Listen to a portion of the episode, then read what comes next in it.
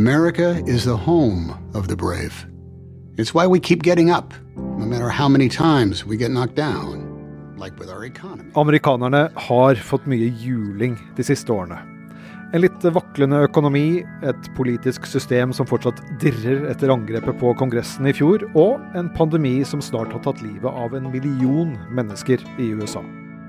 Alt dette gjør at det kan være en god trøst å bli holdt litt i hånden av hele USAs trygge onkel, nemlig skuespiller Tom Hanks. Every day is another day behind us and another step forward towards opportunity, prosperity, possibility.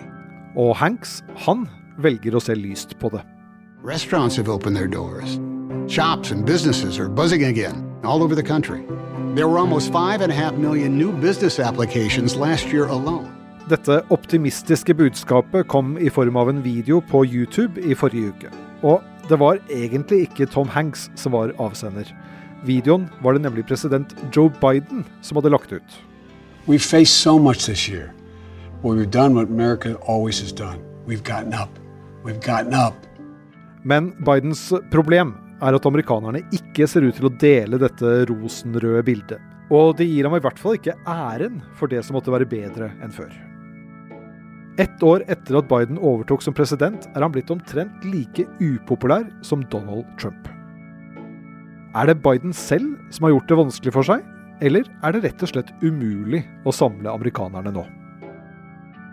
Dette er forklart fra Aftenposten. Jeg heter Kristoffer Rønneberg, og det er tirsdag 25. januar.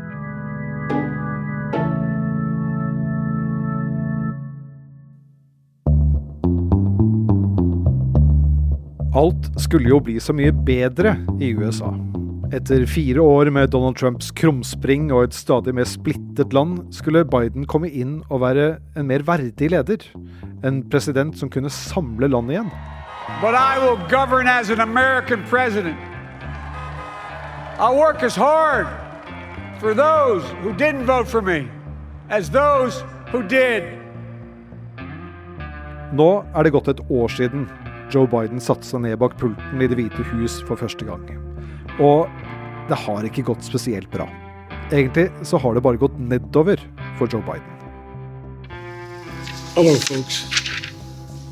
We have faced some of the biggest challenges that we've ever faced in this country these past few years. Challenges to our public health, challenges to our economy. Det ser jo ikke bra ut for president Joe Biden akkurat nå. Han er inne i sin kanskje vanskeligste periode som president, og mye av det han prøver å få til, blir blokkert. Han er upopulær, prisene stiger, og det ser heller ikke så lyst ut med tanke på høstens mellomvalg. Kristina Pletten, du er kommentator her i Aftenposten, og har jo også vært eh, tidligere USA-korrespondent. Hva er det viktigste som har gått galt for Biden dette siste året?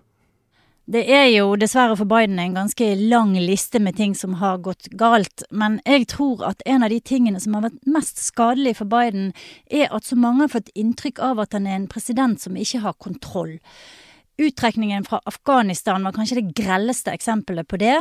Det var jo et kaos, men det er også en voldsom prisstigning. Du har en pandemi der smittetall og dødsfall uh, har vært skyhøye. Du har en drapsbølge i mange av de store byene. Og Biden har ikke klart å holde sitt eget parti samlet. Og alt dette her er veldig sånn håndfaste ting som gir inntrykk av at Biden har mistet grepet. Men hvis vi skrur klokken tilbake til januar 2021, så så ting egentlig ikke så verst ut for Joe Biden. I hvert fall ikke på meningsmålingene. 55% av amerikanerne sa at de syntes han gjorde en god jobb. Det var skyhøyt over noe Donald Trump hadde fått av karakterer fra folket. Men så begynte populariteten å synke. Og nå er Joe Biden nesten like upopulær som Donald Trump. Og Trump han var ikke kjent for sine gode meningsmålinger. I dag sier bare 42% at de liker presidenten sin. Det er et skikkelig dårlig utgangspunkt før mellomvalget som kommer nå i høst.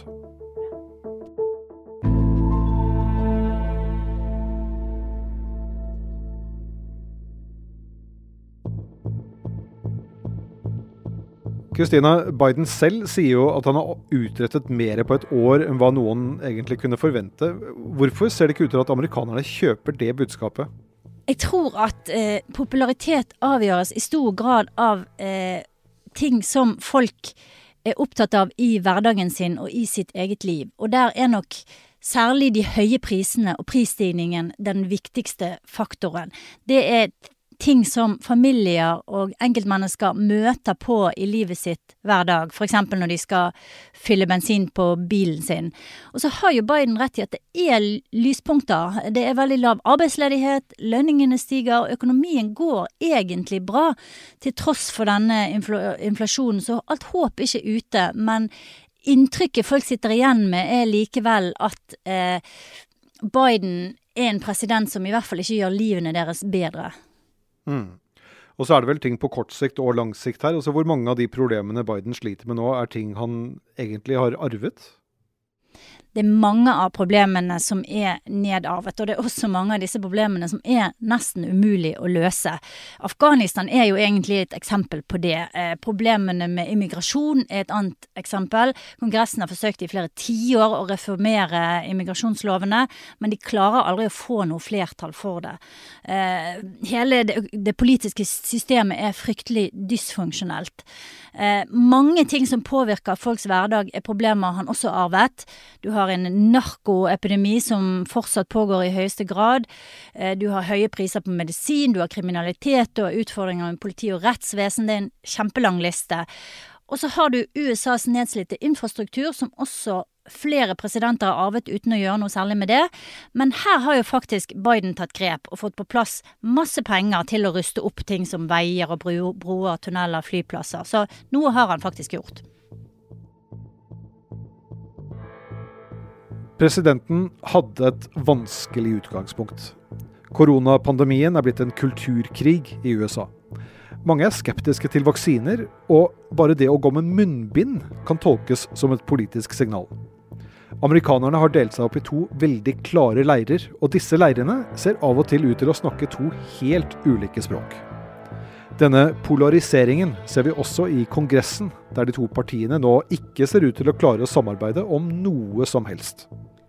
Republikanerne er stort sett lite interessert i å hjelpe Biden få gjennom noe som helst. Men det er eh, en liten gruppe republikanske senatorer som har forsøkt å jobbe sammen med en liten gruppe demokrater for i hvert fall å få på plass noen viktige ting. Så det er ikke helt eh, enstemmig motstand, men eh, det er heller ikke veldig stor vilje til å, å hjelpe til å dra lasset.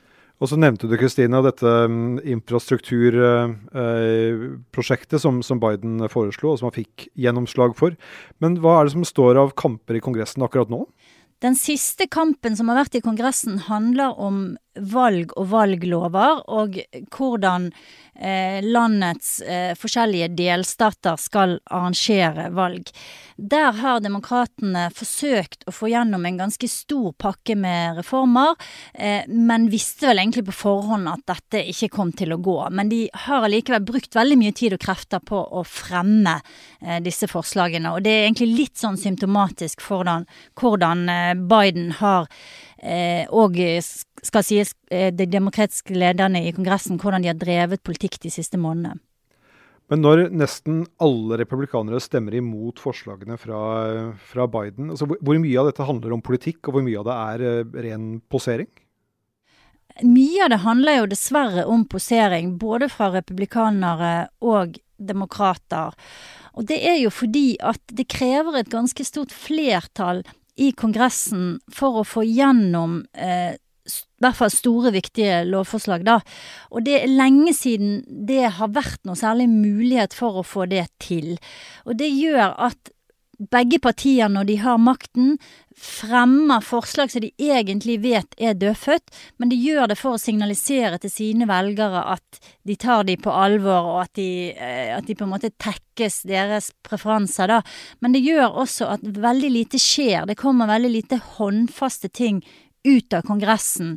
Eh, det er også vanskelig å få, få på plass budsjetter, f.eks., som gjør at vi ser hele tiden disse her kampene om å, å lage sånne midlertidige krisepakker, heve gjeldstaket, alle sånne ting. Så, eh, så det har blitt en eh, politisk situasjon der det i mye større grad er, handler om posering og signaler enn å virkelig få ting gjort. Ja, Så er det jo ikke bare hos opposisjonen at Biden møter motstand. Kristina. Det det er mye snakk om to demokratiske senatorer, Joe Manchin og Kirsten Sinema. Hva er det de eh, gjør som skaper trøbbel for presidenten? Demokratene har en liten gruppe med senatorer som er i den konservative enden av partiet. Og Manchin og Sinema er de mest markante her, og de som har vært steilest i motstanden til det Biden vil gjennomføre. De er spesielt bekymret for pengebruken, og for å endre reglene i Kongressen eh, på permanent basis. Så de to har vært eh, en veldig stor, et stort hinder for Biden, da. Og så i den andre enden, på venstresiden av partiet, så har du en større gruppe som også er misfornøyd med Biden. Og de er opptatt av klima og velferd, og de ønsker å gjøre store endringer i USA. Og de blir også stadig mer utålmodige. Så hvis Biden da sitter med en opposisjon som ikke vil hjelpe ham, og et parti som er splittet og som eh, da delvis motarbeider eh, prosjektene hans, hvor mye makt sitter Biden egentlig igjen med nå? En president har jo en del makt på egen hånd. Eh, for eksempel så kan han utstede såkalte presidentordre om forskjellige ting. Eh, det var en eh, fullmakt som både Obama og Trump brukte veldig aktivt, fordi de var frustrert nettopp med Kongressen som ikke klarer å få gjennom ting. Men presidenten har begrenset handlingsrom til å gjøre endringer som er varige, i hvert fall nasjonalt, fordi at det er Kongressen som sitter på pengesekken. Han har litt større handlingsrom i utenrikspolitikken. Og det begynner å haste for Joe Biden om han skal oppnå noe mer av det han ønsker for USA. Til høsten er det nemlig mellomvalg, og da kan hele det politiske landskapet endre seg. Akkurat nå har demokratene flertall i både Representantenes hus og i Senatet. Men republikanerne de ligger godt an til å overta i begge disse kamrene etter valget i november. Det ser fortsatt sannsynlig ut at Biden vil miste flertallet i Kongressen. I hvert fall i ett av kamrene. Eh, mange demokratiske kongressmedlemmer har sagt at de ikke vil stille til gjenvalg, og det kommer nye sånne kunngjøringer hver uke. Det betyr at demokratene vil ha mange ferske eh, kandidater uten erfaring som stiller til valg, og det gjør også sjansen for at de taper større. Det vil igjen føre til dersom de taper Kongressen, at Biden vil ha en mindre sjanse til å få gjennomført sin agenda. For da er det republikanerne som bestemmer hvilke saker som skal opp til avstemning, og det er også de som har flertallet og bestemmer egentlig eh, da hva som blir vedtatt og ikke. Og så er det vel også sånn Kristina, at etter, etter mellomvalget så begynner flere å snakke om eh, presidentvalget i 2024, og kanskje spesielt hvis eh, det er Donald Trump som skal være presidentkandidaten for republikanerne? Ja, absolutt. Eh, den eh, valgkampen er jo eh, for så vidt begynt allerede, men det er klart at det vil ta seg voldsomt opp neste år. Og det vil jo også prege Bidens politikk, hvem han eventuelt skal stille mot. Sånn at det vil helt klart ha stor betydning, i hvert fall når man snakker om liksom et år eller to frem i tid. Mm. Ja, for Det er jo et poeng. Vi er jo fortsatt bare i januar, og dette mellomvalget er i, er i november. Eh, det er vel mye som kan endre seg innen den tid? Altså, Hva kan Biden gjøre for å, for å komme i en bedre situasjon enn han er i i dag? Ja, det ligger jo veldig mye bra f.eks.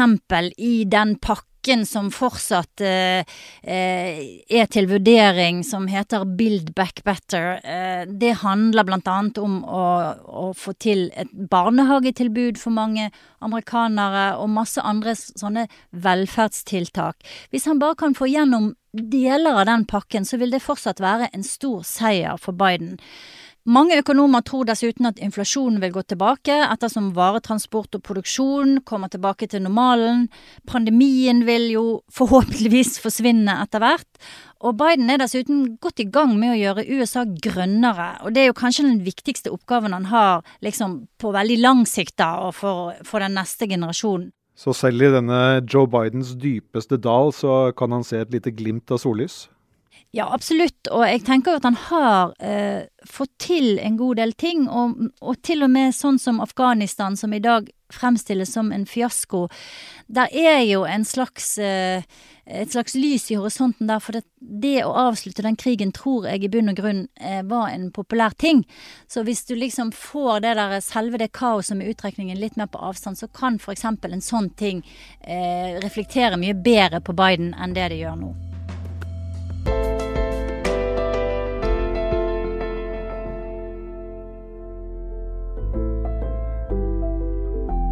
Du har hørt Christina Pletten snakke om Joe Bidens mange problemer. I dag har du hørt lyd fra nyhetsbyråene AP og AFP, samt eh, YouTube-kanalen til Bidens innsettelseskomité. Det er produsent Fride Næss Nonstad og jeg, Kristoffer Rønneberg, som har laget denne episoden. Resten av Forklart er Marte Spurkland, Anne Lindholm, David Vekoni, Anders Weberg og Synne Søhol.